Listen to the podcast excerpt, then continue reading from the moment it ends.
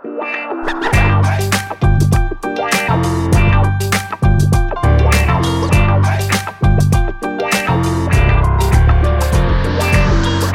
welkom bij een nieuwe aflevering van een podcast over voeding in deze podcastserie. En dat weet je inmiddels als je al lang luistert. Gaan we in op de wetenschap achter voeding en laten we wetenschappers aan het woord over allerlei thema's die met voeding te maken hebben. En uh, vandaag uh, Bart, dat is natuurlijk Bart Mol van I'm a Foodie. Hoi Bart. hey Arnoud, ik ben er weer. Yes, en vandaag doen we het ietsjes anders dan, uh, dan normaal, want we zijn met z'n tweeën vandaag. En dat is niet voor niks, want we gaan een beetje terugblikken hè. Ja, zeker. Nou, ik vond eigenlijk de eindejaarshow van uh, 2021 vond ik eigenlijk ook heel, heel erg leuk. Dat we gewoon alle shows weer hebben teruggeluisterd ja. en gekeken, joh, wat hebben we zelf eigenlijk van, op, van opgestoken. En zodoende leek eigenlijk een recap show wel weer leuk om op te nemen. We zijn weer voorbij het eerste kwartaal. Dus we heel veel leuke gasten gehad. Dus ik dacht van, nou, misschien gewoon leuk samen even terug te blikken. Dus... Um, Misschien is het ook wel leuk voor de nieuwe, nieuwe luisteraar, dat je op die manier gewoon een korte ja, introductie hebt van de verschillende gasten die we hebben, hebben gehad in de show. Ja, en als je toevallig een aflevering niet hebt kunnen horen omdat je die week even geen tijd had om de podcast te luisteren, dan heb je nu alsnog een beetje een beeld van wat voor aflevering het is. En dan, nou ja, dan, uh, dan, dan kun je dat uh, dan kun je dat alsnog terugluisteren. Dat is natuurlijk altijd leuk. Ja, want, eh, want hoe zit het met jou, Arnoud? Want ik luister zelf behoorlijk wat shows. En uh, ik ben eigenlijk best wel trouw met heel veel shows en de afleveringen die ik luister. Maar op een gegeven moment merk ik wel dat er ja, steeds meer leukere shows bijkomen. En dat ik dan achterloop met afleveringen. Ja. Dat het me gewoon haast dus, dus niet meer lukt om al die shows te gaan luisteren. En ja, zoals misschien een beetje de trouwe luisteraar wel heeft gezien in de, de podcastfeed, dat we ook ja, aan, het, aan het experimenteren zijn met de throwbacks. Gewoon van uh, hele leuke, goede shows ja, van, van langer geleden die je niet zo snel terug zou vinden in je feed. Dus dat we die weer, ja, weer uh, omhoog ja, duwen eigenlijk van, joh, dit is misschien nog interessant voor je. Evenals ja, een soort van trailer-achtige snippets van de shows die we al hebben opgenomen. Ja, om te laten zien van, joh, dit komt er nog. Dus ja, het is eigenlijk ook een oproep aan de luisteraar van... Ja, wat vind jij eigenlijk leuk om uh, te horen? En welke gasten denk je die ook interessant kunnen zijn voor de show? Want ja, uiteindelijk doen we dit uh, zowel voor jullie als voor onszelf. Om zo eerlijk te zijn, we doen eigenlijk gewoon ook omdat, ja, we zijn het een paar jaar geleden begonnen, omdat we het zelf heel erg leuk vinden om uh, te doen. Maar ook de gasten uit te nodigen, de kennis, wat we er zelf van op doen. Maar ja, ja. Het, spreekt voor, ja, het spreekt, spreekt voor zichzelf dat ik het heel leuk vind om, om zelf al te doen. Maar ja, het is natuurlijk veel leuker als heel veel andere mensen er ook blij mee, mee kan maken. Dus ja, eigenlijk is het meer ook een oproep van, uh, mocht je suggesties hebben voor onderwerpen, voor gasten, of hoe we de show beter, leuker kunnen maken, uh, laat het echt zeker weten via uh, het e-mail wat in de show notes staat. Dan ja, zullen we er zeker naar kijken en even in het team gooien, dat we hier gewoon nog tot de lengte van de dagen mee door, door kunnen gaan. Ja, ik, ik zag trouwens afgelopen maanden, uh, toen, we, toen we het overzicht maakten, zag ik wel een lijn ontstaan, uh, Bart, in de podcast die we hebben gemaakt. Een stijgende uh, lijn? Bedoel je dat met luisteraantallen of, of onderwerp? Een, een, stijgende lijn ook in, hoe, hoe zou ik het zeggen, in het profiel van de gasten, kan ik het zo zeggen? Ja, want ja, we, ja. Want we hebben echt wel wat hoge pieven langs gehad, of niet? Ja, nee, zeker, zeker. Als ik zeker in dit begin van of dit kwartaal kijk, dan ja joh, Even name-dropping, hè, natuurlijk. Dat we gewoon, je hebben, we hebben Jaap, Jaap Seidel. Nou, dat is natuurlijk echt een beetje een vriend van de show. Een paar keer te, in de, in de, te gast geweest in de show. Overigens zijn we ook met Jaap bezig met hele leuke dingen. Maar uh, later meer, meer erover. Oeh. Ja, en, en uh, ja, ben je ook nog uh, verrast, Arnaud? ja, en, ja, maar ook als je kijkt naar de gezondheidsraad, hebben we gewoon met de vicevoorzitter uh, gesproken, ja. met Marianne ja. Gelijns. Dat vond ik eigenlijk ook best wel cool. Ja. En uh, nou, toen kwam Gerard uh, direct, directeur van de voedingscentrum. Uh, die zei ook, ja. oh nee, tuurlijk kom ik in de show. Dus ja, ja dus, en we hebben eigenlijk eerlijk gezegd ook nog een paar andere gasten. Dat we ook gewoon bezig zijn met de staatssecretaris. Die willen we ook nog vragen. Nou ja, zo overtuigd als ik ben, denk ik dat het wel moet gaan lukken, toch, Arnoud? dat, is, dat is gewoon een, een, jonge gast. Dus ja, dat, dat moet wel lukken. Die moet helemaal openstaan voor een podcast. Ja, ik hoop zeker dat het lukt. Als je ziet ook wel, welke stijgende lijn erin zit, dan kan je niet anders dan naar de, de absolute eindbazen van de Nederlandse voedingswereld gaan. Dat, die, die, dat is de richting waar we op gaan. Hey, dus laten we hopen dat we daar komen. Een beetje corny, maar zijn we dan straks een foodfluencer of niet? Nee. Hele flauw, heel flauw. Nee, nee, want we laten natuurlijk anderen aan het woord en, en, en zij kunnen hun, hun kennis etaleren. Dat is ook een van de dingen die ik terughoorde van de gasten, ook buiten de opnames om, is dat ze het zo eh, fijn vonden. Want dat zijn allemaal mensen die wel vaker in de media komen.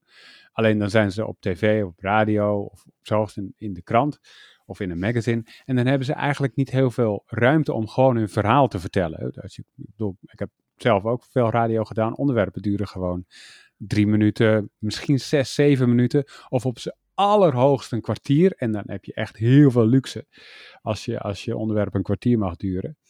En uh, ja, bij ons is het gewoon, er is geen tijdslimiet. En meestal praten we makkelijk een uur vol. Uh, en, en dat vinden ze eigenlijk best wel heel fijn. Dat ze gewoon het hele verhaal kunnen vertellen met alle nuances en alle, alle, alle grijstinten die er allemaal tussen zitten. En uh, ja, dat is toch wel heel fijn. Dat is wel iets waar, nou ja, waar ik heel veel energie van krijg. Om te merken dat zoveel mensen dat, dat, dat, we, dat, we dat verhaal ook, uh, ook eens kunnen belichten. Ja, en hoe zit het met, met jou qua, uh, qua tijd? Want ik haak meestal naar een drie kwartier af. Dan denk ik van ja, vind ik wel uh, lang genoeg. Een twintig minuten vind ik weer even, weer even te kort. Kan je niet echt tot de kern komen. Meer dan een uur, nou, dat vind ik wel echt, echt lang worden. Hoe zit dat, dat met jou? Ik ga automatisch mee in een soort van in de, in de flow van een show. En, en bij ons merk ik heel duidelijk dat het, dat het echt die energie die blijft erop zitten. En, en we zijn er ook heel scherp op altijd. Hè, dat we op het moment dat we de vragen stellen, dat het interessant blijft. Uh, en vandaar dat we eigenlijk automatisch en heel natuurlijk rond het uur uitkomen. Uh, want ja, er zijn natuurlijk ook op internet veel meer shows te vinden die ook veel langer duren. Twee uur of vier uur. Dat kan ook. Ik heb wel het idee, dan wordt het echt wel een heel grote uh, berg om te beklimmen als luisteraar. Als we dat zouden doen, dan, dan wordt het wel een stukje heftiger. Ik denk dat deze deze uh, manier van interviewen, deze lengte. Uh, voor mij werkt dat in elk geval heel goed. Maar ja, ik ben ook de host, dus dat is heel makkelijk. ja, maar ja, we zijn eigenlijk nu gewoon een beetje live aan het evalueren wat, wat ja. beter kan of zo. Want, Welkom uh, bij onze redactievergadering. Ja, nou, ja, nou, ik, wou, wou, ik wou nog zeggen dat we eigenlijk altijd een one-taker doen. Dat, dat we klikken eigenlijk gewoon op record en uh, ja, we gaan. En we doen eigenlijk een post-editing ja, maken we het geluidskwaliteit altijd even ietsje beter. Een beetje poetsen hier en ja. daar. Maar inhoudelijk, dan knipt er eigenlijk nooit echt wat uit. Want het, nee, ja, het, loopt, nee. het loopt hoe het loopt. Hoestbuien en binnenlopende honden en zo, dat wil er nog wel eens uitgaan. Maar uh, nee, inhoudelijk knippen we er eigenlijk zo min mogelijk uit. Ja. Tenzij iemand echt iets, uh, iets verkeerd zegt. Dat gebeurde, heb ik het idee, in het begin wat vaker dan nu. Misschien omdat we wat meer mensen te gast hebben gehad die vaker in de media zijn. Die dus veel beter weten hoe ze hun dingen willen verwoorden. Dat ze niet vaak terug willen komen op hun woorden. Maar uh, nee, er gaat eigenlijk bijna nooit echt iets inhoudelijks uit. Ja, zijn we wel uh, uh, luchtig uh, genoeg, denk je? Of is het soms, soms wat zwaar dat je bij, bij zo'n show van drie kwartier echt moet nadenken, moet zitten, luisteren, omdat er zoveel kennisoverdracht is? Of denk je wel dat het een soort van luchtig genoeg, een beetje... Dit is, dit is geen vraag die je mij moet stellen, Bart, maar nee. aan de mensen die dit luisteren. Ja, nou weet je wat, anders gaan we gewoon even recappen. Naar, uh, ik begin bij jou, Arnoud. Drop, het, uh, drop eens een, een, gast waarvan je denkt, nou, dat, uh, dat is nogal dat is het uh, vermelden waard om nog even ja, terug te kijken. Ja, een van, de, een van de shows die op mij veel indruk maakte was die met Jaap. Jaap Seidel.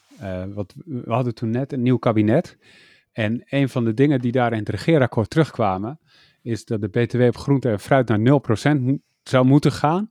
Maar het was allemaal moeilijk lastig, zei de Belastingdienst, want dat kostte jaren en bla bla bla. En uh, Jaap is iemand die, die bij uh, de totstandkoming van dat soort dingen altijd zijdelings betrokken is, in een soort van adviesrol, als ik het zo mag zeggen. En um, hij weet er dus ook meer van. En, nou ja, ik, ik vond het echt uh, heel leuk om te horen hoe hij daarover sprak. En ook omdat het zo actueel was toen eigenlijk nog steeds is. Hè, want als ik naar de supermarkt ga, betaal ik, betaal ik nog steeds btw op groente en fruit. Dat is, dat is nog altijd niet af. Uh, de accijns op benzine kon er wel af binnen een maand. Maar uh, uh, in, bij groente en fruit is het heel moeilijk. moeilijk. Ja. Dus die, ik vond het interessant om hem daarover te horen. Ja, nou, en dat we eigenlijk ook nog steeds een coalitie hebben. Is misschien nog wel het grootste wonder, of niet? nu, het is nu half april dat we deze show opnemen. Maar nou ja, in ieder geval ja, ik, ik vond het ook wel, uh, wel, wel fascinerend dat we inderdaad een coalitie hadden. Er stonden allemaal hele mooie doelstellingen in en we waren amper twee weken onderweg. En toen was er gelijk al de eerste bezuinigingsmaatregel. Uh, die werd eigenlijk al aangekondigd in de zin van, ja, die btw-verlaging, dat komt er in ieder geval deze periode niet aan. Maar ja, um, we houden een positieve moed, toch? Dat het toch wel afgaat nog in 2022, misschien volgend jaar. En uh, misschien is het leuk om even terug uh, te luisteren naar uh, dat item. Die, die komt van zeer recent, namelijk van gisteren, toen ik in de krant las dat, waar je het net over had, het btw-verlagen mm -hmm. van groente en fruit, dat dat niet kan dit, in deze kabinetsperiode. Het staat wel in het, in het coalitieakkoord, maar het kan nu al niet vanwege ICT-problemen bij de Belastingdienst. Mm -hmm. Dan denk ik, ja, weet je, uh, ik weet nog heel goed dat uh, Erik Wiebes op een paar moment de BTW van de frisdranken en de wateren, met name, hè, dus het uh, mineraalwater verhoogde, gewoon in één dag, ja. zonder overleg met de Kamer. En dat allerlei verhogingen van prijzen en, en BTW-tarieven, overigens ook het vorige kabinet, van 6 naar 9 procent, dat kon gewoon. Mm -hmm. Maar nu er een bezuiniging moet komen, daar komt het eigenlijk op neer, en dus minder inkomen denk ik, is er ineens een ICT-probleem bij de Belastingdienst. ja, inderdaad. Dat is echt gewoon een onwaarschijnlijk raar excuus. Ja, kun, kun je... Dus dat is al een eerste frustratie. Dus dat is een van de maatregelen die met veel gejuich is ontvangen, vrij breed. En dan, eh, zodra ze ongeveer één week in dienst zijn, zeggen ze ja, vanwege ICT-problemen kan het al niet meer. Ja. En niet alleen nu niet, maar ook de hele kabinetsperiode niet. En het, en het gekke is ook dat in datzelfde artikel uh, stond ook dat het, uh, de Belastingdienst was aangeschoven bij de coalitieonderhandelingen en toen al had gezegd van, oh, dit wordt echt heel moeilijk. Toch staat in het coalitieakkoord, hoe, hoe gebeurt zoiets? Heb je daar zicht op? Hoe, hoe komt dat dan ja, toch erin terecht? Ja, ik weet wel hoe dat gaat. Er zijn een aantal onderhandelaars en die zitten eindeloos in zo'n kamertje met elkaar uh, dingetjes op te schrijven in zo'n coalitieakkoord. Hè? Een, een dingetje voor D66, eentje voor de ChristenUnie, eentje voor de, nou ja... En um, dat wordt een beetje zo gepokerd. Er wordt er eigenlijk helemaal niet over nagedacht over... is dit wel haalbaar, realistisch mm. en dat soort dingen. Maar wat zijn nou de, de, thema's die veel in de media zijn geweest? Nou, er is heel veel gedoe geweest over die prijsverhoging... Hè, of die btw-verhoging in het vorige kabinet. Dat vond echt iedereen heel raar. Je wil gezondheid stimuleren en dan ga je de groenten duurder maken. Weet je wel, dat soort dingen. En dat, uh, ja, dat is, dat is dan een leuk ding voor, de, voor het coalitieakkoord. Dus dat zetten ze er dan in. Er is ook heel veel gelobbyd. Um, en dat bedoel ik niet in on, on, onaardige zin, maar er, er zijn veel uh, krachten. Ik weet, mag dat wel zeggen, Mariette Hamer was daarbij betrokken en Alexander Kan en zo. Allemaal van die invloedrijke mensen die op een paar moment zeggen: er moet veel meer naar preventie, er moet veel meer naar gezonde voeding, er moet veel meer naar jeugd. We moeten ons echt nu druk maken over. Uh, uh, het, de slechte gezondheid die ook nog weer eens gebleken is tijdens de coronacrisis. Hè, dus mm -hmm. de, de jeugd heeft het heel zwaar gehad. Die, die zijn uh, ongezonder geworden. Ze hebben een, een hele deuk in de mentale gezondheid gehad. De jeugdgezondheidszorg en de GGD die zijn uitgekleed. We moeten daar wat mee. We moeten investeren. En dan zie je dat zo'n coalitie bestaat. En dan wordt er, wordt er gelobbyd vanuit de Zorgverzekeraars Nederland. Er wordt vanuit de eh, FN, FNV, eh, maar ook VNO, NCW, weet je, dus de werkgevers. En nou, heel breed, hè, dus niet, niet de wetenschap, maar gewoon de, de grote actoren in het politieke veld. Die, uh, ja, die schrijven dan uh, mee, zou je kunnen zeggen, aan zo'n coalitieakkoord. Want die uh, zeggen, ja, wij, wij willen wel iets waar wij ook achter staan. Mm -hmm.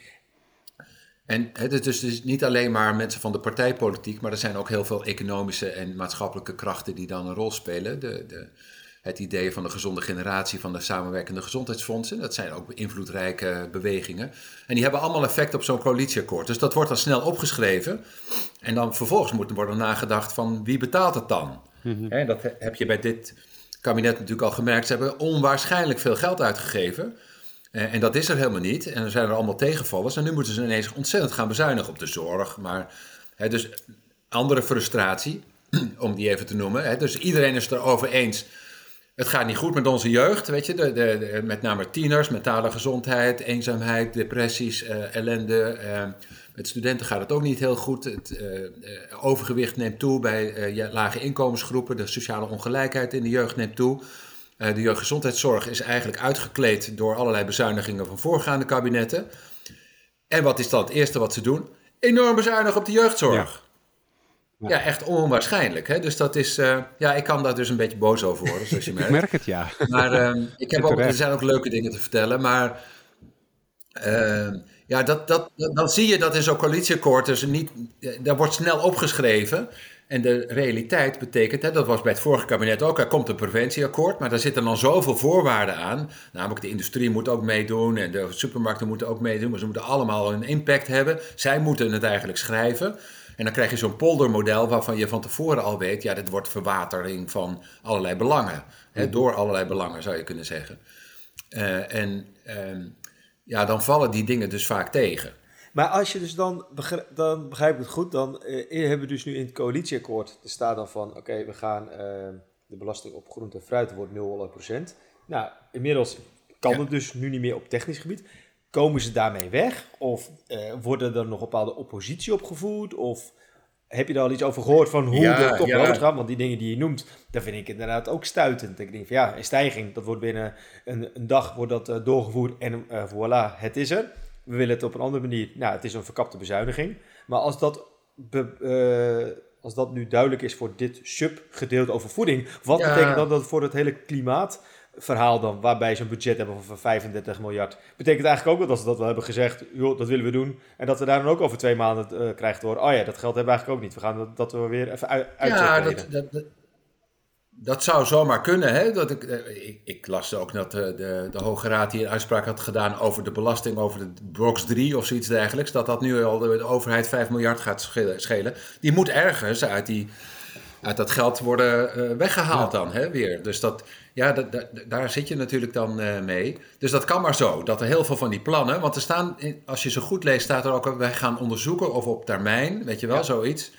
En dan weet je eigenlijk al van. Nou, het, is, het is nou, niet smart geformuleerd, van specifiek, meetbaar, acceptabel, realistisch, tijdgebonden. Dat, daar uh, nee. branden ze uiteraard hun handen niet aan. Want het staat me bij dat in, of in jouw show of in een andere show van afgelopen jaar, dat ook iemand toen noemde van dat Europees gezien kon het ook helemaal niet. Want het schijnt toch ook een EU-richtlijn te zijn dat op een B2 van 5%. Ja. Alleen dat is dan afgelopen september is dan weer een bepaalde stemming geweest, dacht ik, in het EU-parlement. Dat ze zeiden die, dat we dat toch weer naar de lidstaten teruggaan van je mag het misschien wel weer op nul zetten. Speelt daar nog ergens iets bepaalde rol? Of is dat alweer... Nou ja, kijk, het, het, het, wordt een technocratisch geneuzel eigenlijk hè, over btw-tarieven. Maar als je echt wat wil met prijsbeleid op het gebied van voedsel, dan kan je ook al heel andere manieren kiezen. Je kunt subsidies geven, je kunt uh, taxen, taxen heffen, hè, dus belasting heffen op producten. En dat is dan geen btw, maar gewoon uh, accijns dat kan je op alcohol doen, je kan het op sigaretten doen, je kan het ook op frisdrank doen wat mij betreft, of energiedrank of, zo, of koek en snoep. En je kunt daarmee groente en fruit subsidiëren. Je kunt een gezonde schoollunch gaan subsidiëren bijvoorbeeld. Dan heb je allemaal geen, ingewikkelde btw-tarieven nodig. En je ziet dat in landen zoals in Engeland, uh, met een heel conservatieve regering uh, weliswaar ook nog eens een keer, dat die in staat zijn om heel veel van dat soort maatregelen gewoon heel snel te nemen. Uh, zonder lange discussies over BTW en dat soort zaken. Want dat is inderdaad een heel eh, raar technisch verhaal. En ik, ja, dus die, die uh, als de achtergrond van zo'n coalitieakkoord niet is, we gaan het over BTW hebben, maar we gaan eigenlijk gezonde keuzes stimuleren en we gaan ongezonde keuzes proberen te ontmoedigen. en dat kan dan niet via de, via de BTW. Nou, dan kan je bedenken hoe het dan wel kan. En dat, dat kan ook budgetneutraal. Je kan uh, ongezond eten of niet duurzaam geproduceerd voedsel zodanig duur maken dat je daarmee de gezonde, duurzame keuze kunt subsidiëren. En dan hou je netto hetzelfde over. En dan kun je nog eens lage inkomens wat ontzien als het, als het hun problemen oplevert of bepaalde sectoren waar dat dan ingewikkeld zit. Maar al meteen op te geven, zal ik maar zeggen, uh, uh, vanwege een ICT-probleem, dat, dat is, niet, dat is geen visie. ik had het net al even genoemd in de introductie. Ik uh, vond het eigenlijk best wel cool dat we Marianne Gelijns in de, de show hadden. Als, uh, In de rol van vicevoorzitter van de Gezondheidsraad. Dat je gewoon een beter beeld hebt van wat doet het, hoe is het opgesteld, van wie krijgen ze hun opdracht. En ja, en hoe, hoe gaat het in zijn in werking en welke ja, richtlijnen kunnen we nog verwachten. Nou, daar uh, was wat mij betreft wel, uh, gaf het veel inzicht wat we, ja, hoe, hoe de richtlijnen worden geüp, uh, geüpdate. Dat ja, onlangs is er dan weer een update gekomen voor uh, zwangeren. nou, en dat ze nu eigenlijk meer in modules een ja, richtlijn-update zullen geven dan een compleet herziene nieuwe versie. Omdat de laatste ja, grote update is in 2015 geweest. En nou, inmiddels is dat weer, weer zeven jaar geleden. Ja, en het zijn vaker nuance, verschilletjes. Ja, die ze updaten dan hele grote verschillen. Van, uh, dat we niet zo snel uh, gaan van uh, 250 gram groente. Dat ze opeens volgend jaar zeggen, nou, we gaan maar naar de 500. Omdat we daar, ja, daar eigenlijk gewoon nog genoeg ruimte is voor mensen om daarin ja, stappen te kunnen nemen. Ja, je bent natuurlijk veel bezig met die, met die, eh, nou niet veel bezig met die richtlijnen, misschien zo niet, maar vanuit Amerfoodie hou je, hou je dat natuurlijk wel goed in de gaten. Wat, wat verraste je nou het meest toen met dit, met dit kijkje achter de schermen? Waardoor, waardoor uh, was je nou het meeste, uh, waarvan was je het meeste onder de indruk? Laat ik het zo vragen. Nou, eigenlijk denk ik wel dat het ze er eigenlijk allemaal maar bij doen ik had wel verwacht dat het gewoon wel echt mensen zijn die het uh, ja, gewoon een dedicated baan is. Terwijl het is eigenlijk een projectorganisatie die ja, de dingen managen, maar als inhoudelijke professionals zijn het heel veel werkzaamheden die ze eigenlijk gewoon naast hun huidige baan doen, die veelal wel aan een universiteit of aan een onderzoeksgroep. Uh, ja, dat, dat, dat, dat vond ik nog wel dat ik denk, van, ja, het is zo'n belangrijk onderdeel dat ik eigenlijk wel had verwacht dat, dat ze daar misschien wel nou ja, een x aantal dagen per week gewoon structureel ja, ook voor uh, betaald krijgen. Terwijl uh, ja, dat ze er echt uh, bij doen was, was voor mij eigenlijk wel een, ja, een nieuw inzicht. Ja, inderdaad. Nou, laten we even luisteren naar hoe Marianne vertelt over het updaten van de richtlijnen.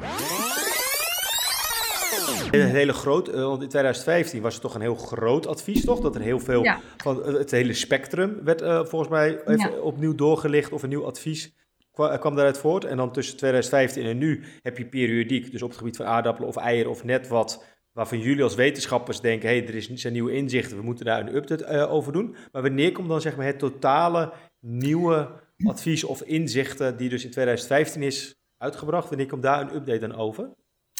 Daar zijn we nu over nadenken hoe we dat best kunnen doen. Want je kan dat als één heel groot pakket doen, maar dan ben je een tijd bezig en dan moeten we, ja, ook het voedingscentrum moet daar handen en voeten aan geven, moeten dan vrij lang wachten. Uh, dus we zijn in overleg met partijen of we dat als één pakket doen of dat we dat meer modulair gaan aanbieden. Hè? Uh, je kan daar verschillende vormen voor bedenken. Dus uh, ja, het is, uh, want, het is want voor zwanger hebben jullie het wel recentelijk gedaan, toch? Het is nu december. Voor hebben jullie voor ja, zwanger is, toch een ander verhaal. Dat is een ander verhaal, want we hebben uh, wel recentelijk inderdaad voor specifieke groepen, namelijk uh, voedingsaanbevelingen voor zwangere vrouwen is gedaan. Eh, en dat is dan wel het hele pakket weer. En voeding bij diabetes. En voeding met hart- en vaatziekten zijn we nu mee bezig. Ehm, Maar dat, uh, dat is dan wel inderdaad het, het hele pakket. Maar daar is veel minder evidence voor. Hè? Want het aantal studies bij specifieke groepen is gewoon kleiner. Dus dat kan je in een beperktere tijd dan ook doen. Terwijl voor de hele populatie uh, is het vaak ook weer een hele berg literatuur. Dus ja. Maar er zit dus niet een ritme in dat je dat, je, dat zoiets, want de goede voeding, of de richtlijnen goede voeding is uh, even, even, niet in relatie tot een ziektebeeld. Hè? Want de andere twee die je noemde is dan voeding in relatie tot hart- en vaatziekten. Dus dat is een ziektebeeld. Ja, je, Ga je zwangerschap een ziektebeeld noemen, Bart? Ga je dat nee, doen? Nee, die noem ik even bewust niet bij. ik bedoelde meer van, zit er een, ritme in dat je zegt van elke tien jaar doen we gewoon de grootschalige update, zodat we in uh, 2025 een nieuw kunnen verwachten bijvoorbeeld? Of is dat zoiets wat net als jullie wetenschappers denken, nu is het moment, of er zijn nieuwe wetenschappelijke inzichten, het kan ook over drie jaar zijn? Ik, uh, ik denk dat. Uh, kijk, er zijn twee dingen. Hè? Er komt voor sommige voedingsgroepen niet zoveel nieuwe evidence bij. Hè? Het is niet te verwachten dat uh, groente en fruit opeens ongezond zijn of zo. Weet je wel? Sommige dingen staan gewoon voor, voor, voor eeuwen, bij wijze van spreken. Hè? Mhm. Die zijn goed uitgezocht en dan hoef je niet te verwachten dat nieuwe studies. Dus die kan je redelijk hoog overdoen. Of dan kan je andere zaken zijn wel nieuwe, hè? bijvoorbeeld vleesvervangers of zo. Hè? Daar komt nu pas goede literatuur van. Hè? En daar wil je dan wel de tijd voor nemen. Dus uh, het wordt niet weer eenzelfde soort standaard uh, pakket, zeg maar. Het wordt toch weer anders dan de vorige richtlijnen.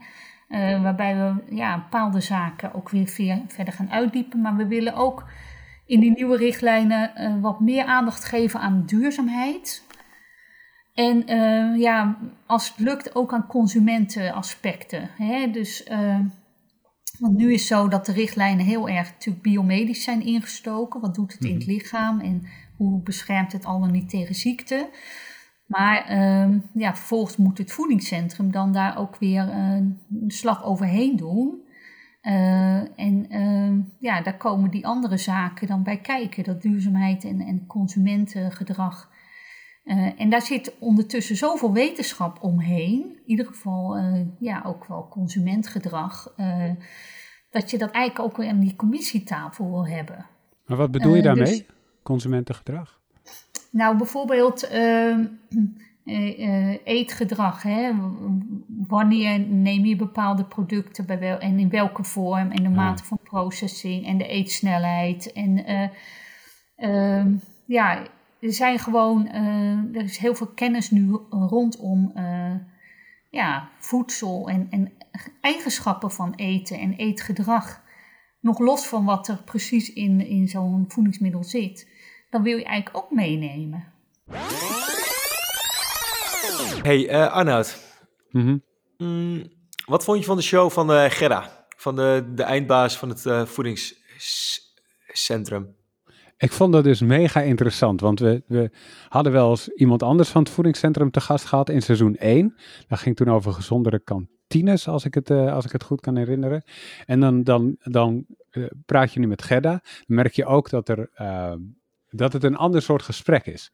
Want ze weet heel veel over heel veel, maar aan de andere kant ze is zich ook heel bewust van haar rol als directeur van het voedingscentrum. ja, woorden uh, dat legt gewicht in de schaal. En dat merk je wel. Ze, is, ze, ze zegt niet zomaar iets. Ze, ze, ze weegt dat goed af. Laat ik het zo zeggen.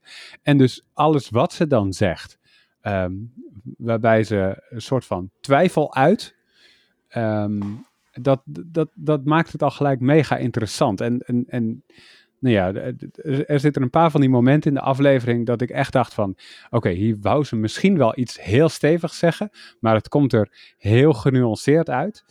Um, en we hadden het bijvoorbeeld over, over de industrie en, en wat hun belangen zijn en willen die eigenlijk wel voeding gezonder maken, ja of nee. En daar was ze ook heel afgewogen over, heel genuanceerd over. En um, ja, ik heb wel het idee dat je, dat je daarin hoort hoe zij er in zou willen vliegen. Maar hoe ze dan toch het zo mooi verwoordt dat het als directeur van het voedingscentrum, dat je dat ook gewoon kan zeggen. Hoe, hoe heb jij dat ervaren? Nou, ik vind eigenlijk dat je het heel mooi hebt uh, voort, uh, Arnoud. Ik, um, moet, ik moet eerlijk bekennen um, dat uh, voordat we een show uh, doen of opnemen, hebben we natuurlijk gewoon de uh, redactievergadering. Dat we, dat we met elkaar zitten met een aantal mensen van, joh, uh, welke gasten ze en zullen we vragen. En op een gegeven moment, hoe meer je in iemand gaat verdiepen, dan krijg je voor jezelf een, al een soort van beeld van, oh wauw, dit is wel iemand met echt heel veel kennis of een bepaalde statuur, zeg maar. Dat op een gegeven moment bij mezelf al uh, een beetje, ja, toch wel wat, wat meer zenuwachtiger werd of zo. Terwijl ik eigenlijk bij heel veel mensen ga ik altijd gewoon heel vrij in van, joh, het maakt me eigenlijk niet uit wie je bent. En ja, weet je, we zijn uiteindelijk allemaal gewoon mens en op die manier probeer ik het een beetje te relativeren. En aan de andere kant denk ik wel van, ja, ze is al wel uh, zoveel jaar uh, in die positie. En persoonlijk ja, uh, vind ik dat het voedingscentrum hele mooie dingen doet. En ook qua boodschap. natuurlijk kan je altijd wel kritiek uit of wat, wat beter kan of et cetera. Maar wat je zelf zegt, ja, vanuit die positie ja, vond ik het wel gewoon, merkte inderdaad wel dat ze ja, ervaring daar en daarmee heeft. En dat het wel ook wel ja, een leuk en soepel gesprek was dat is toch wel, denk ik wel, een aantal dingen meer heeft gezegd. Uh, um, ja, dat is misschien wel van tevoren had verwacht of wat we hadden voorbereid. En dat is eigenlijk ook wel onze insteek. Tuurlijk bereiden we gewoon wel een aantal thema's voor die we willen gaan uh, bespreken. Uh, ja, soms ga je een beetje meer, meer uh, linksaf. Maar ik denk dat voor de goede luister of toehoorder, dat je er wel de juiste dingen uit, uit, uit hebt kunnen halen hoe ze in de, in de wedstrijd zit. Ja, beoordeel het vooral zelf, want we gaan nu even luisteren naar hoe Gerda uh, spreekt over de industrie en het gezonder maken van eten. Dat 80% van het aanbod ja. in het supermarkt is ongezond. Dus dat is ook al uh, Geen, Ja, eh, oh, dat vind ik echt een briljant haakje naar een ander punt wat ik nog even een beetje wilde, wilde bespreken. ja. In onze research natuurlijk na, ter voorbereiding van, van deze show hebben we natuurlijk ook, wil ik toch even aanstippen, dat jij natuurlijk een, eh, een achtergrond hebt in je werkzame leven. Voordat je bij het voedingscentrum zat, zat je bij een groot voedingsmiddelenconcern. Dus ik ben gewoon oprecht geïnteresseerd van, willen die bedrijven wel? Want ze weten donders goed dat ze producten maken, dat dat niet bijdraagt of dat het niet in de schijf eh, van vijf zit. Ik vind het helemaal niet erg dat bedrijven die producten maken. Maar dan moeten ze of er eerlijk over zijn van, joh, het is gewoon ongezond. Maar hey, eh, het is ook wel eens lekker om een ijs te eten. Maar ja, ga er niet heel moeilijk zitten doen om het gezonder proberen te maken. Want in definitie is het gewoon ongezond. Dus hoe werkt dat bij, bij die bedrijven? Willen ze wel dingen gezonder maken of doen ze net Nou, alsof... ik, denk dat, eh, ik denk dat de meeste bedrijven, eh, ook zeker de grote, inmiddels heel goed doorhebben dat ze ook een verantwoordelijkheid hebben in het eh, helpen eh, mensen de gezonde keuze te laten maken. Want dit gaat echt eh, met, eh, ja, we hebben nu de helft van de bevolking heeft overgewicht. Eh, als het zo doorgaat, 60% in 2040. Dat moet je echt niet laten gebeuren. Ook de klimaatproblemen eh, zien ze wel. Maar ik denk zeker dat, eh, ja, dat er iets dwingender maatregelen, en daar hebben we het in het begin Ja. over gehad, hè, eh, dat die nodig zijn. Een soort ja, level playing field wordt dat vaak eh, genoemd. Eh, om dit voor elkaar te krijgen. Want eh, bedrijven hebben toch ehm, ja, het uiteindelijk ook het. eh, ja, ze, ze, willen, ze willen groeien, ze willen winst, Ja. et cetera. Ik bedoel, de, de, een gezondere bevolking is niet hun hoofddoel. En dat moet een randvoorwaarde worden.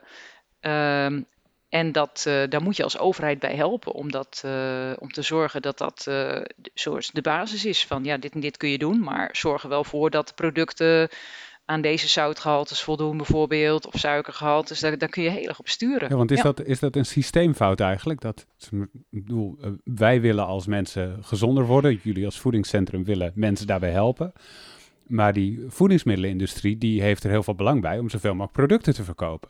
Dus als hun chocola, ik noem maar even wat, extra lekker is, omdat er meer suiker in zit of zout of wat dan ook, ehm, dan verkopen ze er meer van. En als hun concurrent het er dan uithaalt, dan eh, verkopen die minder en verkopen zij meer. Dus ze hebben heel veel belang bij het zorgen dat het zo lekker mogelijk is en niet zo gezond mogelijk. Is dat een systeemfout? Ja, het is. ehm, eh, dit doet me denken aan wat het punt is, is dat wij, mensen zijn, eh, wij willen allemaal gezonder eten. Hè. Drie kwart van de mensen zeggen, oh nee, ik wil graag gezonder eten en help me daarbij. Eh, maar de belangrijkste drijfveren bij voedselkeuze zijn toch, ik zeg altijd, smaak, smaak en smaak. en dan prijs en gemak. Eh, dus de, we, we zijn als, als mensen toch eh, ja, heel erg gedreven door het hier en nu, door onze fysiologie. hè. En, ehm, en als we iets, iets eh, een sausijzenbroodje ruiken of iets, iets lekkers zien, ja, dan is dat, dan is dat aantrekkelijk. Daar, daar vallen we makkelijk voor. Eh, ik, ik weet dat jij niet heel vaak bij een fysieke supermarkt komt. Eh, maar als je bij een bepaalde supermarkt komt met een blauw logo. eh, uit Zaanstad. En ik probeer de naam Albert Heijn te vermijden. Ehm, moeten die, die ook al, al die anderen gaan noemen van non-spon. nou, ik denk dat het wel heel snel duidelijk wordt dat dit geen reclame is. Ehm, want we hadden het met Michel en Annette. ehm, eh, eh, eh, waarvan zijn ze ook alweer, Bart? Ligt dat nog even toe? Want ik zeg nu gewoon Michel en Annette. Maar Ja, nee, eigenlijk is het een beetje een update ehm, show geweest van eh, de Nutri-score. En de eerste show hebben we ehm, opgenomen met eh, Manon en Michelle van de Voedingsjungle. Uit die Ja. entiteit, is een communicatiebureau op het gebied van voeding. En eh, ja, zij maakte zich een aantal jaar geleden druk om de, de Nutri-score, die achter de schermen in ontwikkeling was. En daar hebben zij ook eh, ja, bepaalde aandacht mee eh, gegenereerd in eh, zowel de media als in, eh, bij de voedingsprofessionals, om daar kritisch op te zijn. Ja, om mee te denken hoe ze die nieuwe voedselkeuzelogo kunnen in, in introduceren. En eh, bij deze update show was Manon verhinderd en hebben we Annette gevraagd, eh, die ook eh, heel veel, eh, of daar ook gewoon een expertise in heeft en weer verbonden is aan een hogeschool. Dus zodoende is het een, uh, ja, eigenlijk een update show op basis van uh, de recente ontwikkelingen die ja, speelden rond februari, maart dit jaar. Dat de, de Nutri-score is nog niet officieel geïntroduceerd. En dat ja, zou eigenlijk moeten vanuit uh, het voedingscentrum die ja, de overheidscommunicatie doet. Maar ja, nu maaide eigenlijk de Albert Heijn al de gras voor de voeten weg om het al op heel veel producten te gaan doen. ja, en het zo te framen met hun marketing van hey, tada, er is een nieuw voedselkeuzelogo's en zie eens hoe goed het, onze huismerken het uh, doen. Uh, ja, dat schoot een beetje in de verkeerde keelgat bij, de, ja, bij onder andere Michelle. En die daar dus weer een klacht had ingediend bij, volgens mij was het de reclamecodecommissie. Ja, ja en dat is allemaal in de gang gezet. En daar gaat eigenlijk deze show over van, wat was eigenlijk de aanleiding en ja, hoe staat het daar nu mee? En überhaupt, hoe staat het met de, de Nutri-score? Uh, ten tijde van het opnemen van deze show ja, is het nog steeds niet uh, officieel ge, gelanceerd en geïntroduceerd. Dus ja, het betreft gewoon nog een, eh, een lange adem. Wat ik, wat ik wel leuk vind, dit is een van die onderwerpen die dus in meerdere shows terugkwam. Want we hadden natuurlijk ook Gerda van het voedingscentrum te gast. En die hebben we ook gevraagd naar, wat vind je er nou van dat Albert Heijn dat logo al gaat voeren? En uh, dat was een van de momenten waarop ze heel diplomatiek was en zei, ja, ze zijn gewoon heel enthousiast. Um, en uh, nou ja, dat was ook wel een indrukwekkend momentje, vond ik in de show. En Michel net, die, uh, die uh, vertellen dus, die, dat gaat eigenlijk, wat we nu naar gaan luisteren, gaat eigenlijk over hetzelfde, namelijk misleidt Albert Heijn ons door de Nutri-score nu al toe te voegen en op zo'n manier in te zetten, dat het eigenlijk lijkt alsof het hun logo is, in plaats van dat het een algemeen logo is wat industriebreed en vanuit de overheid wordt, wordt uitgerold. Dus luister daar gerust naar, het is echt super interessant. Nou ja, druk over gemaakt, dat valt wel mee. Uh, maar hoe het zit eigenlijk is dat... Kijk, Nutri-Score... Um, ja, daar zijn we natuurlijk vanuit Voedingsjungle al een tijd mee bezig. Hè, met een grote groep uh, voedingswetenschappers en voedingsprofessionals. Om dat voedselkeuzelogo zo goed mogelijk aan te laten sluiten bij de Nederlandse voedingsrichtlijnen.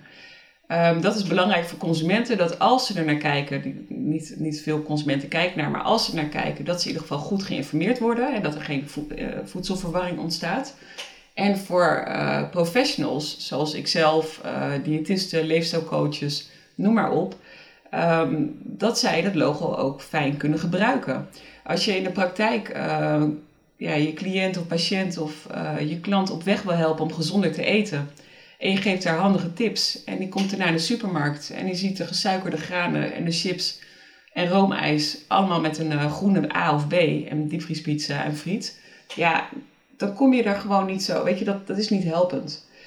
Um, maar ja, daarom wordt dus ook Nutri-score aangepast. En daar is de overheid nu heel erg uh, hard mee bezig. Hè, met die, uh, onder andere met de Internationale Wetenschappelijke Commissie. En um, daar moet de overheid en, en alle mensen die hard voor werken daarvoor dan ook de tijd krijgen om dat goed te kunnen aanpassen. Want zo'n introductie kan je maar één keer doen. En we hebben natuurlijk al het uh, Ik kies bewust logo, zeg maar, wat, wat ja, gefaald heeft, wat het niet gehaald heeft. En als je dus Nutri-score op deze manier gaat introduceren hoe het nu is, dus dat je chips, um, pizza, nou, al die producten die ik al noemde, kipnuggets, allemaal met een gezonde groene A of groene B kan uh, tegenkomen in de supermarkt ja, dan is het gewoon 100% faalgarantie. En het is natuurlijk super, ja, hoe ik nou zeggen, um, verrassend zeg maar dat, dat een partij zoals Albert Heijn, die ontzettend veel voordeel heeft eigenlijk aan zo'n voedselkeuzelogo. Want je ziet al dat ze hun eigen merkproducten uh, hebben aangepast om een gunstige Nutri-score te krijgen. Je ziet al dat ze er gigantisch mee uh, stunten, zeg maar, met um, uh, bonusaanbiedingen. Dat ze dan eigenlijk 2 voor 12, weet je, net voordat het goed is aangepast, het al gaan introduceren en eigenlijk claimen. Van, uh, dat het lijkt ook dat het van Albert Heijn is. Als je kijkt naar de communicatie, dan lijkt dat gewoon zo.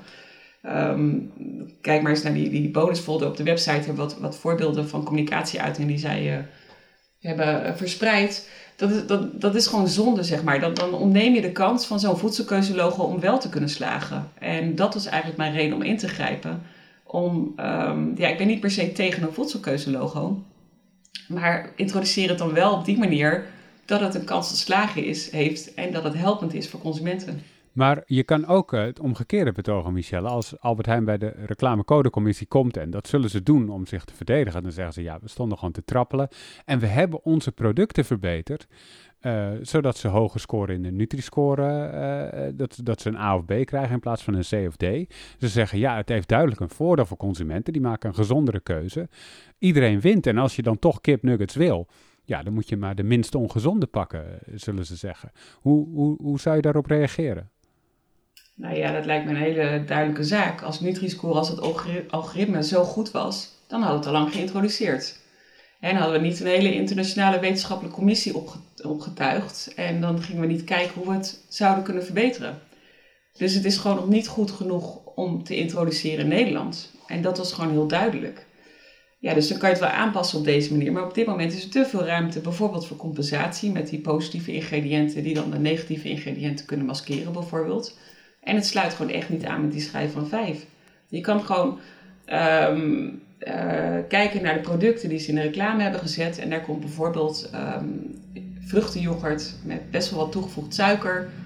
Uh, net zo gezond uit als uh, de naturel yoghurt, zeg maar, dezelfde variant. Nou ja, dat is niet helpend. Vla bijvoorbeeld, ja, dat is een product dat staat buiten de schijf van 5, is zelfs een weekkeuze, maar wordt gewoon met eenzelfde groene B verkocht als die halfvolle biologische yoghurt.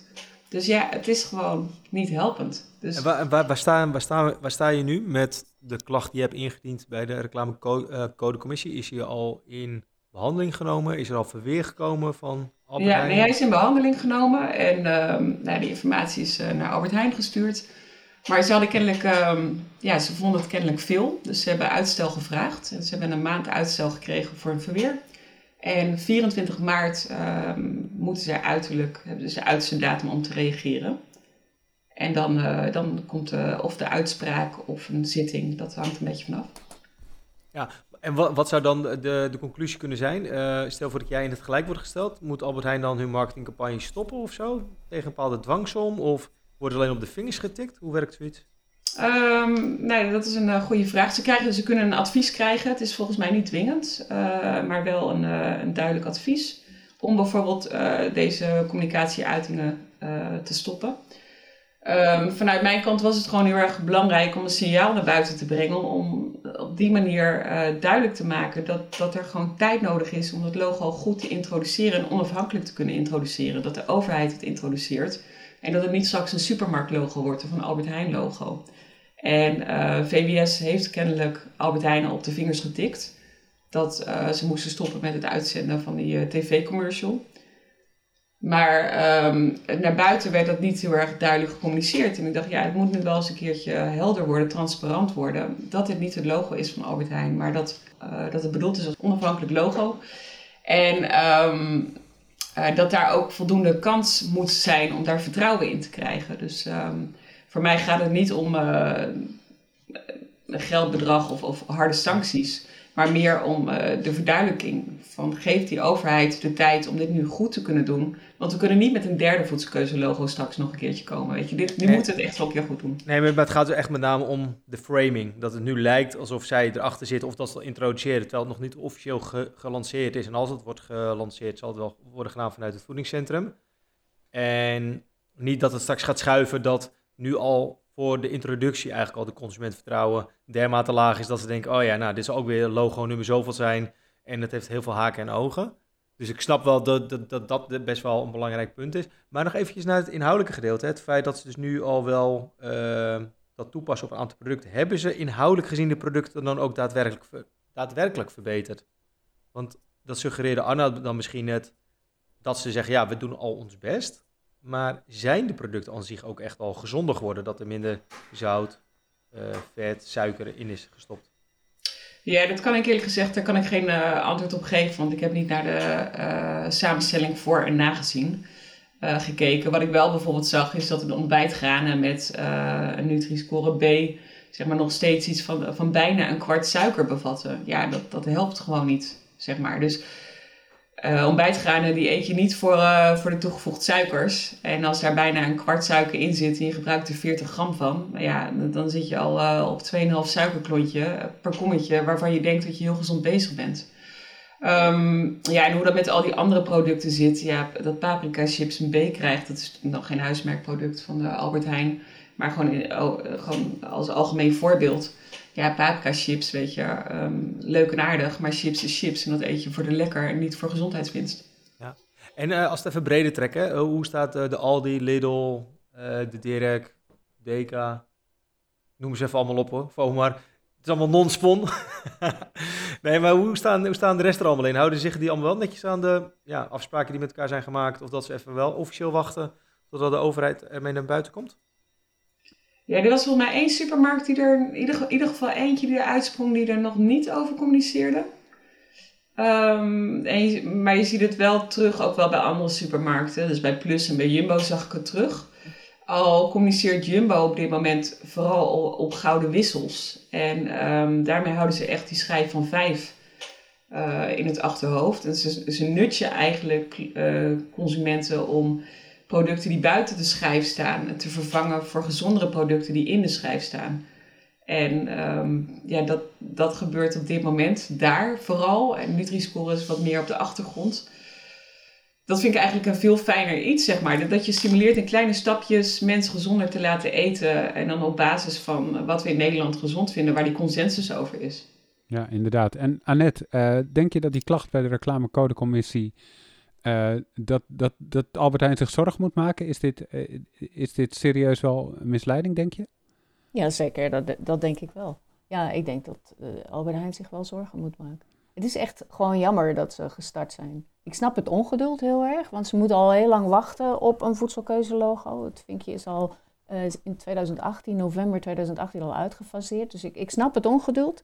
Maar dit is een valse start, want je begint uh, uh, met iets wat niet klopt. Dus er zijn heel veel voorbeelden in omloop. En Michelle heeft er al heel veel genoemd die niet logisch zijn. En ieder voorbeeld op zich is gewoon een, een afbreukrisico voor de geloofwaardigheid van dat logo. Hey, en, uh, Arnoud, hoe zit het met jou met duurzaam, duurzame voedselkeuzes die jij maakt? Gooi jij eigenlijk wel eens wat eten weg of niet?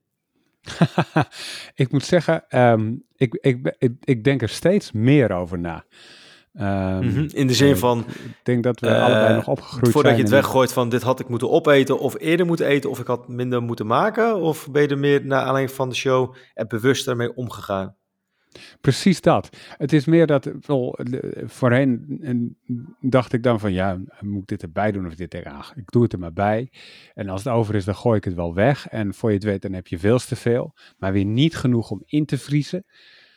En dat is eigenlijk best wel zonde. Of er raken dingen over datum omdat je ze in opwelling hebt gekocht, want ze waren in de aanbieding. En dan heb je er drie voor de prijs van twee. En dan denk je, ja, het is wel lekker. En ja, het zijn toch tomaten. Ik kan tomaten altijd wel gebruiken. En, en een gegeven moment zit er schimmel op en dan moet je het weggooien. is ook zonde.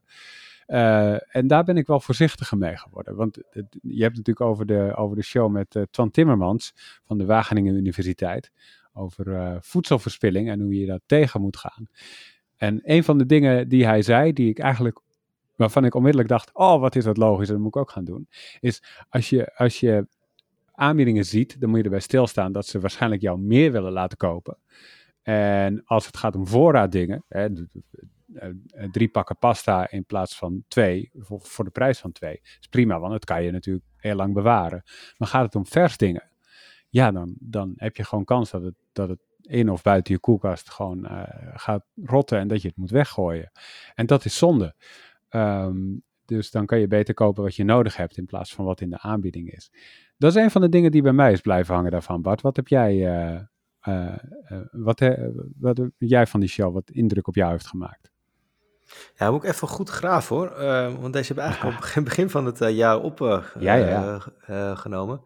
nou, met name dat je door voedselverspilling tegen te gaan, dat je juist al hele, dat dat eigenlijk de grootste klap is om uh, ja, ook al duurzamer te kunnen leven. Dat uh, Twan had, had, ook een aantal van die claims van leuk dat je een zonnepaneel koopt en uh, heel goed van je dat je een elektrische auto leest, gebruikt of koopt. Maar dat eigenlijk de echt duurzamere acties die heel dichtbij staan, is gewoon inderdaad wat je zegt, gewoon minder kopen, minder en dan ook al minder weggooien. En dat was voor mezelf, uh, was ik niet zo, uh, en hij noemde dan allemaal cijfers in zijn show, dus dan, ja, straks kan de luisteraar dat zelf even terugluisteren, want dan die kan het veel beter vertellen dan dat wij het herhalen. Tuurlijk. Maar meer dat, dat, dat, ja, gewoon dat die statistieken zo enorm zijn dat elke dag dat jij mm, ja, net dat ene broodje uh, weggooit of die salade niet helemaal meer lekker is omdat je te veel had gemaakt, et cetera. Alles bij elkaar opgeteld. Ja, uh, als je daar toch nog weer even een stapje bewuster in bent, dat je dan ook wel ja, van die mini-stapjes maakt voor een, totaal duurzame leven. En ja, dat het niet een kwestie is van je hebt die zonnepanelen op je dak en daarmee is het klaar. Nee, dat is echt een ja, eenmalig ding. Uh, waarbij je wel structureel misschien je voordeel hebt met zonne-energie. Maar gewoon al uh, ja, minder kopen, minder voorbereiden. Of daarna ook denk, oh ja, ik heb nu uh, genoeg. Bijvoorbeeld met uit eten doe ik het eerlijk gezegd al een aantal jaar. Dat ik samen met mijn partner uh, allebei wel een hoofdgerecht kies bijvoorbeeld. En dat we dat dan delen. Of het, het nagerecht. Dat ik hem enerzijds altijd al gewoon één dessert nemen. Meer omdat ik zelf al geen strek heb in een heel dessert. Maar ook hoe vaak komt het niet voor dat je dan toch eigenlijk... Ja, dat je ogen meer honger hadden dan, dan je lichaam. ja, dat gebeurt super snel. Ja, ja, of dat je dan volgens nog een doggybag vraagt. Ik had ook een keer in een, een restaurantje dat ik... Uh, had ik zo'n uh, kaneelbol had ik, uh, besteld. En toen kreeg ik er twee. Toen was ja, ja, maar die andere die, die was van gisteren. Die was eigenlijk al een beetje oud aan het worden en anders moesten hem weggooien. Toen kreeg ik hem. Ik zei, ja, maar ja, ik heb er eigenlijk al één besteld. Dus ja, toen heb ik hem alsnog nog meegenomen. Omdat ja, ik vond het bijzonder om hem weg, weg te gooien, zeg maar. Dus ja, Misschien is het leuk voor uh, de luisteraar om daar uh, ja, en, uh, dat te, ter, terug te luisteren van duurzaamheid in relatie tot gezondheid. Kijk, het zijn verschillende gebieden, en, maar duurzaamheid en gezondheid hebben wel een zekere parallel, zeker als het om, om, om voedsel gaat. Het enige verschil, zeg ik altijd, tussen gezondheid en duurzaamheid. Gezondheid, dat gaat uiteindelijk over voedsel wat, wat je zelf eet als consument. Dus dat, dat raakt je zelf. En duurzaamheid gaat vaak niet over jouzelf. Dat gaat over anderen en dat gaat over een heel lange termijn. Dat is bij gezondheid ook vaak zo. Dat zijn vaak langere termijn effecten. Je merkt niet meteen als je te veel verkeerd spullen eet, dat je dan meteen daar ziek of last van hebt. Dat kan vaak jaren duren. En dat, dat is wel een parallel naar duurzaamheid. Alleen bij duurzaamheid gaat het dus niet over jouzelf. Maar gaat het over de mensen die het product maken of gaat het over uh, armoede in de wereld. En dat maakt het nog ingewikkelder. Maar zie je, Wat je zie wel ziet, is dat die doelstellingen, uh, duurzaamheid is beter meetbaar geworden. Ik noemde natuurlijk net al die LCA's, die lifecycle assessments, maar ook de, de doelstellingen die bedrijven zetten. We willen onze klimaat, uh, uitstoot van klimaatgassen, uh, broeikasgassen verminderen. En dat is wel meetbaar. Maar daar zit ook nog wel een uitdaging. En dat is denk ik de, de derde actor die, die ik nog een beetje mis in dit, in dit gesprek, die ik er wel bij wil halen, is de rol van de overheid. Uh, ja, daar kijk, wil, daar de wil ik. wetenschap en de bedrijven zijn er wel over eens. Dit zijn de richtingen voor een duurzaam voedselsysteem. Meer plantaardig, minder verspilling en een aantal andere zaken. Alleen in Nederland kijken we heel erg naar het puzzelstukje Nederland. Van wat, uh, en, en het voedselsysteem is niet direct gekoppeld aan alleen wat de activiteit in Nederland. Want voedsel komt over de hele wereld, producten komen over de hele wereld. Dus we moeten die meetbaarheid en waar we naartoe moeten, moeten we nog zien te in te bouwen in hoe we in Nederland hoe ons beleid hebben, hebben, hebben vastgesteld. Ja, ik wilde zo naar de overheid toe inderdaad. Maar om nog even terug te komen op de parallel duurzaamheid en gezondheid. Je zei, er zijn nu allemaal financiële prikkels om te zorgen dat bedrijven duurzaamheidsdoelen uh, opstellen en halen. Um, zie je ook zo'n zo'n pad voor gezondheid in de toekomst weggelegd? Want heel veel uh, ja, uh, er is heel veel rumoer rondom gezondheid en preventie van, van ziekte door een gezonder uh, leefstijl. zie je zo'n pad ook voor gezondheid ontstaan in de komende ja, jaren? Zie, ja, dat zie je eigenlijk al. En misschien moet ik een parallel trekken naar, naar ook voedselverspilling en, en duurzaamheid. Waarom kan ik zeggen dat 1,7% van de, uh, het voedsel bij supermarkten wordt, uh, nou ja, niet wordt geconsumeerd omdat ze dat transparant hebben gemaakt? En daar is nu een gemiddelde en een benchmark. Wat je binnen die cijfers ziet, is dat de broodcategorie het meest wordt verspild bij supermarkten. Dus gemiddeld zo'n 7% van het brood wat s ochtends de, de supermarkt ingaat, gaat eind van de dag weer terug omdat het, uh, omdat het niet is geconsumeerd. Dat gaat wel weer naar veevoer, maar 7% is op die 1,7 gemiddeld is een absolute outlier, zoals we dat noemen. Dus dat is eigenlijk niet normaal. Als gevolg daarop zijn, zijn de bakkerijen ook gestart van hé, hey, dan willen wij ook een eigen meting doen. Dus die hebben afgelopen jaar collectief ook een dergelijke analyse gedaan. Hoe zit het bij hunzelf? die cijfers die zijn gedeeld, besproken, geanalyseerd. En daar zie je dus een parallel met gezondheid. Want ook de bakkerijsector die stuurt bijvoorbeeld op, op zoutgehalte. En dat is mhm. al op basis van die doelstellingen omlaag naar die doelstelling. Je ziet dat het daar werkt. En datzelfde gaan ze nu op verspilling doen. Uh, door collectief toch te zeggen van dit is een doel waar we naar streven. En dan kun je het met elkaar over hebben van is dat al het juiste doel of moeten we daar nog in verder. En daar zie je wel een parallel nu ook naar duurzaamheid uh, ontstaan. Dat je met elkaar collectief zegt van dit is ons doel. Daar, zijn we, daar, spreken we over uit dat we dat gaan bereiken. En dan zie je, als dat tenminste een ambitieus haalbaar doel is, dat dat ook realiseerbaar wordt. Ja. Uh, Arnoud, ja. jouw oudste zoon, zit die nog op de basisschool of niet? Ja. Ja? ja? Oké, en is het ook een gezonde basisschool? Nee. Nee? Dan komen ze aan met uh, de blikjes uh, cola en de roze koeken. Dat is een, een tussendoortje in de ochtend. Nou, wat me enorm is tegengevallen in, uh, in uh, coronatijd, is dat, en, en dat heb ik op meerdere basisscholen gemerkt en ik hoorde het ook om me heen. Er waren basisscholen met, dit gaat over tractaties, wat niet echt hetzelfde is als een gezonde basisschool, maar toch, zijstapje. Um, dat ze dan bezig waren met tractaties gezonder maken. Hè? Dus dan was de bedoeling dat op een verjaardag dat een kind dan iets meeneemt wat niet snoep of chips is. en dat ging eigenlijk best wel goed. Toen kwam corona. En om de een of andere reden hebben scholen toen best wel massaal gezegd, nou weet je wat, neem maar verpakte dingen mee. Uit angst dat er anders virus zou zitten op fruit, of ik weet niet precies wat de gedachte daarachter is. Um, in elk geval, toen gingen ze terug daarnaar. En dat voelde als een enorme stap terug. En sinds die tijd zag ik uh, mijn kinderen ook thuiskomen met tractaties die uh, aanmerkelijk minder gezond oogden dan in de jaren daarvoor. En dat vond ik wel een enorme stap terug. Het was trouwens wel een van de shows die bij mij, hoe zou ik het zeggen, de ogen heeft geopend. Want dit, was, dit is een concept, de gezonde basisschool, waar ik uh, al interesse in had toen ik er voor het eerst over hoorde. En voor mij was dat de show van Jaap, de eerste die jij met hem hebt opgenomen. Een van de eerste shows uit seizoen 1. Toen mhm. ging het daar al even over. Dat het een experiment was. En nu hoorden we van Onno van Schaik uh, over hoe dat is, uh, is uitgewerkt in vooral Limburg. En, ehm, en hoe zo'n school eruit ziet en, en wat ze dan precies doen. En toen dacht ik wel, ja, dit is toch gewoon de manier waarop het moet. Dit is de manier waarop je uh, kinderen uh, wil, nou ja, opvoeden klinkt wat zwaar, maar hoe je ze in aanraking wil laten komen met eten, hoe je dat dagelijks integreert en ook met bewegingen bij hoe, hoe we zorgen dat die scholen gezonder zijn en, en beter zijn voor kinderen. En als het beter is voor kinderen, dan is het uiteindelijk beter voor iedereen. Dus ik dacht echt, dit is een no-brainer. Dit moeten we onmiddellijk overal gaan doen. Maar dat bleek nog niet heel makkelijk, uh, heb ik van Onno geleerd. Want ik dacht van, dit moeten we volgend jaar overal doen. Maar zo werkt dat dus niet. Nee, nee maar ik vond het wel een heel mooi en rond verhaal. Dat, uh, uh, dat hij ook aangeeft dat de onderzoeksresultaten ook laten zien dat kinderen daardoor ehm, ja, betere prestaties halen. Of ook meer, meer genegen zijn voor eh, sporten. En ja, dus dat het eigenlijk een veel breder ding is dan dat je zegt, joh, je biedt een gezonde lunch aan of uh, gezond drinken uh, of iets dergelijks. Maar en ook dat de business case klopt. En dat hij daar ook ja. uh, een toelichting op geeft over van, nou, hoeveel het euro per dag is, totaal. En dan ja, het is wat duurder dan. Alleen nou, met bepaalde lokale of gemeentelijke subsidie voor ja, bijvoorbeeld ouders die dat niet kunnen betalen, of, uh, dat, dat daar ook wel mogelijkheden voor zijn. En ook gewoon uh, de aanpak dat het een kwestie is dat je het echt samen doet met schoolbestuur, school en de ouders. Van dit is wat we willen doen en dat ook echt minimaal 80% mee moet zijn van uh, ja, een populatie op een school. Want anders ja, is het eigenlijk bijvoorbeeld al dat het niet slaagt. En wat je zegt, uh, Arna, die ervaring heb ik zelf ook met mijn eigen kinderen, die, waarvan de oudste in ieder geval naar school gaat.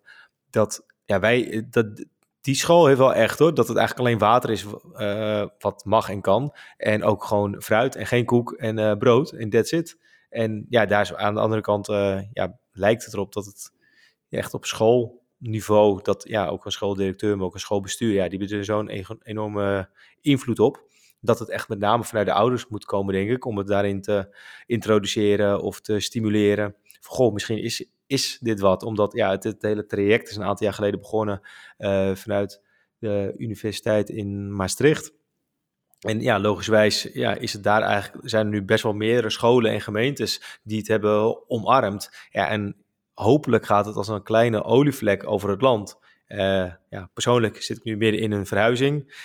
dat ik naar, ja, alweer naar een andere basisschool ga. En ja, ik heb daar wel gelijk gepitcht bij die schoolleider van... hey, ehm, sta je hier voor open? Vind je het wat of niet? Want ja, dat is, ja, persoonlijk zou ik dat wel heel mooi vinden... als je nu al ziet wat voor resultaat het met zich meebrengt. Ja, inderdaad, en ik kan me voorstellen dat als je nu ons erover hoort praten, dat je denkt, hè, maar hoe ziet zo'n school er dan uit? En dat is precies wat je nu hoort van uh, Onno van Schaik. Um, uh, want het klinkt als muziek in de oren, dus dat je zou zeggen, nou met deze kennis van nu, dan moet vanaf morgen moet het hele land een gezonde basisschoolbeleid gaan volgen. Maar uh, ja, nee, oké, nou dan horen we straks van wat daarvoor moet gebeuren. Volgens mij is het altijd kopje geld, is volgens mij altijd een van de belangrijkste punten. Ehm, maar hoe moet ik me dat voorstellen? Krijgen de kinderen dan uh, groente, fruit, dat soort dingen allemaal op school dan? Krijg, hoe, ja. kan je daar wat concrete dingen bij we, we, hebben dat samen met het voedingscentrum hebben we dat uh, zeg maar ingericht. Uh, de kinderen krijgen s ochtends een gezond tussendoortje. Um, iets om eventjes gewoon de eerste honger, zeg maar, ergens tussen 10 en 11, om die eventjes te stillen. En dan krijgen ze tussenmiddag krijgen ze een, um, een lunchbuffet krijgen ze aangeboden. Ze kunnen dus zelf hun eten samenstellen. Hè. Dit wordt voor de kinderen uitgestald. En um, der 80% van datgene wat aangeboden wordt, is gezond. Voldoet aan de schijf van 5 van het voedingscentrum. Uh, eh, 20% is um, minder gezond.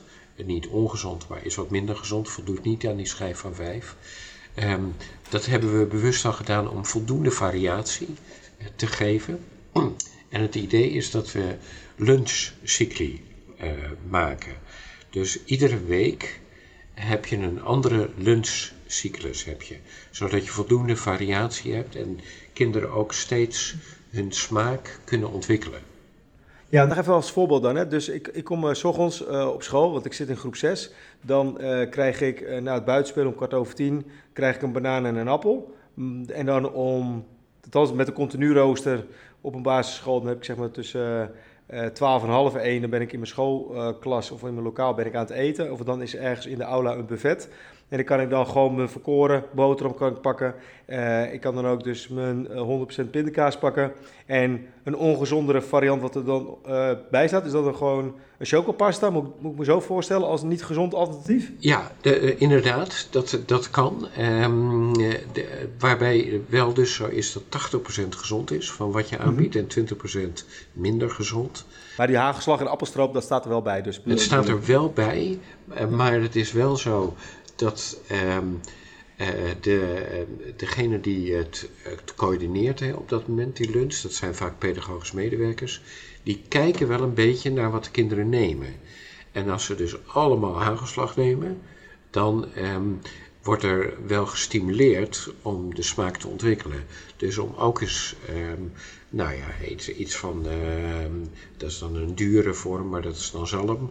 Om die eens een keer te proeven als je dat nog niet eerder geproefd. Ja. Of makreel te proeven, of nou, eh, als vrucht um, wat, meer, uh, wat meer fruit te proeven. En ook dingen die ze nog nooit eerder geproefd hebben. Nou, volgens mij is dit wel een mooie uh, recap, of niet Arnoud, van de eerste pa paar maanden van een podcast over voeding. Ja, en het is ook, het, is ook altijd, als je er middenin zit, dan denk je, oh, zoveel hebben we toch niet gedaan. En dan maak je zo'n recap en dan denk je, oh ja, wat hebben we toch veel uh, dingen gemaakt al, nu al in die paar maanden dat dit jaar uh, oud is.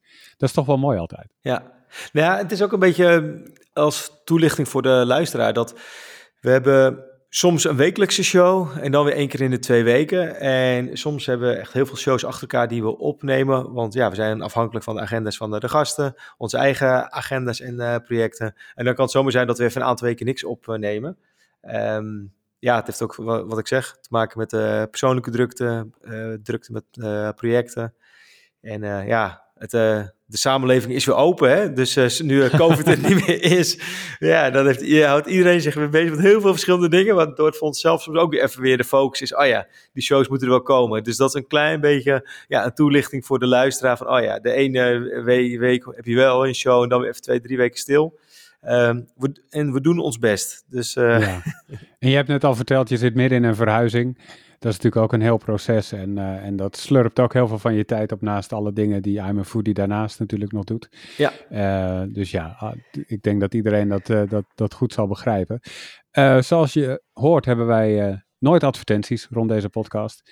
wij maken deze podcast daarom mede dankzij de financiële steun van onze vrienden van de show. Ehm, wil, je, wil je ons ook steunen? Dat, dat kan. Dat kan via vriendvandeshow.nl slash POV. Uh, daar kun je ons steunen met een financiële bijdrage. Kunnen wij deze podcast meer en beter maken?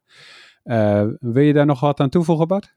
Nee, dat kwam echt uh, su uh, super goed uit, Arnold. Maar misschien, misschien moet ik nu zeggen, als, als je het een leuke show vindt, geef een review bij iTunes of Apple Podcast. Wat, wat is het ja. allebei? Ja. ja. En, en, en, Spotify, Spotify kan je ook sterretjes geven tegenwoordig. Ja. ja. Ja. nee, daarom. Dus dat, dat doen we onwijs goed. Ja. Yes. Uh, dus dankjewel voor het luisteren naar deze recap. En alvast tot de volgende keer. Yes, later!